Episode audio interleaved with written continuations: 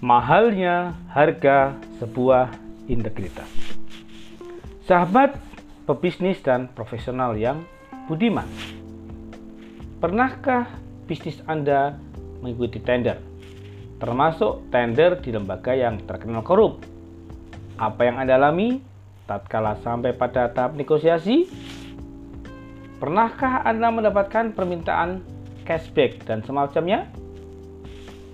Mungkin Anda pernah sekali, dua kali, atau beberapa kali bahkan menghadapi hal semacam ini. Bahkan saat ini caranya malah lebih halus. Dengan cara dibiayakan pada proyek pengadaan yang mensuplai sebagian kebutuhan proyek kita yang subpelajarnya ternyata rekanan terhubung dari sang pemberi proyek. Tentu dengan memberikan kenaikan selisih harga bagi dia.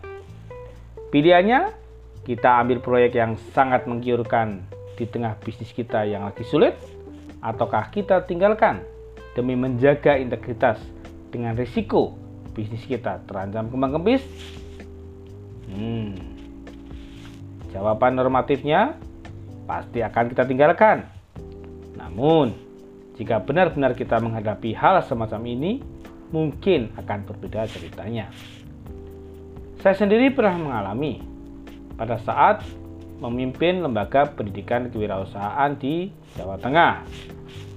Kami mendapatkan proyek untuk melaksanakan pelatihan kewirausahaan bagi pemuda di sekitar lokasi kami. Pada saat pengambilan dana proyek, pejabat perantara yang menjadi mediator proyek tersebut memberikan pesan kepada kami bahwa jika nanti ada kunjungan, panitia diminta untuk menyediakan dana kunjungan dalam jumlah yang cukup besar. Sementara di anggaran proyek yang kami harus laporkan, tidak ada pos penganggaran dana kunjungan tersebut, yang artinya kami mesti membuat laporan fiktif bila hal itu kita turuti. Saya sampaikan kepada tim bahwa kita akan taat pada anggaran dan tidak akan memenuhi permintaan mediator tersebut. Tentu dengan cara yang halus. Pada saat itu kita sampaikan bahwa mungkin ini akan menjadi proyek pertama dan terakhir dari lembaga tersebut. Padahal saat itu dana operasional lembaga kami sedang sangat menggiut menggantungkan dari proyek-proyek semacam itu. Dan benar adanya Meski proyek kami laksanakan dengan sukses dan laporan kami buat dengan sebenar-benarnya dan sebaik-baiknya, tahun berikutnya kami tidak mendapatkan proyek jenis dari lembaga tersebut, padahal proyeknya ada. Saya tenangkan teman-teman, insya Allah rezeki yang halal hadir dari pintu yang lain. Dan benar adanya, tahun berikutnya kami mendapatkan proyek jenis yang lain dari lembaga yang lain pula dengan nilai proyek dua kali lipat.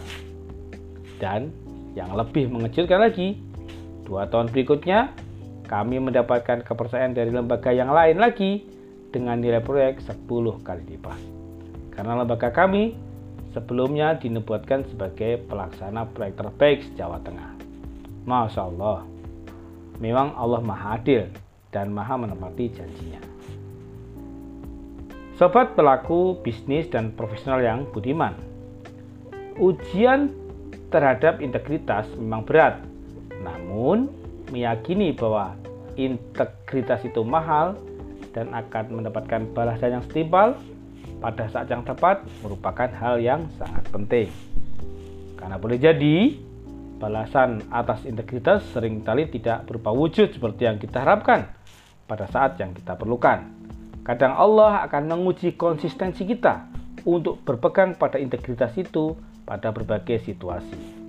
Namun, setidaknya kita merasa tenang jika kita membuktikan integritas yang pasti kepercayaan kolegal kita akan menguat pada kita. Pada waktu yang lain, pada tahun pada tahun-tahun berikutnya, saya mengalami kembali kejadian yang sejenis. Pada saat saya memimpin sebuah divisi bisnis di Jakarta saya mendapatkan tawaran untuk difasilitasi mendapatkan proyek dari satu lembaga tertentu dan nilainya sangat besar ya. dengan komitmen untuk cashback 20% dari nilai produk tersebut. Tentu, berdasarkan nilai-nilai yang dipegang oleh lembaga kami, janji tersebut kita abaikan. Kita tidak bersedia untuk kemudian menerima proyek tersebut.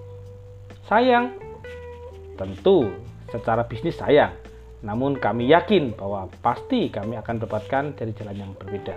Dan benar adanya, pada tahun yang sama kami mendapatkan proyek yang hampir senilai dengan tersebut dari lembaga yang lain.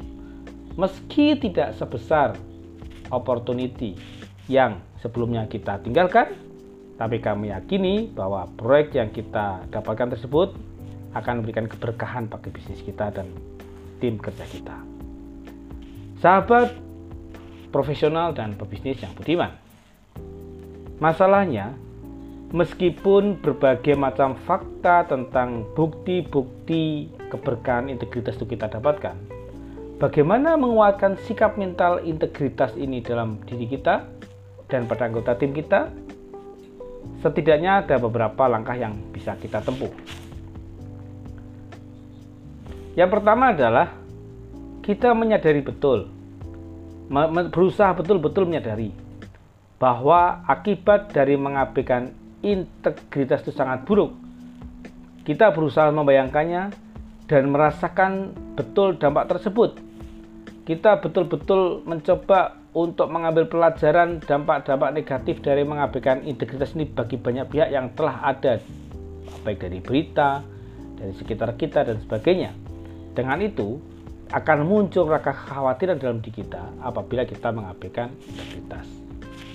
Yang kedua adalah meyakini bahwa hikmah dari integritas pasti membawa kebaikan, baik dari si fakta yang pernah terjadi maupun berdasarkan keyakinan spiritualitas kita.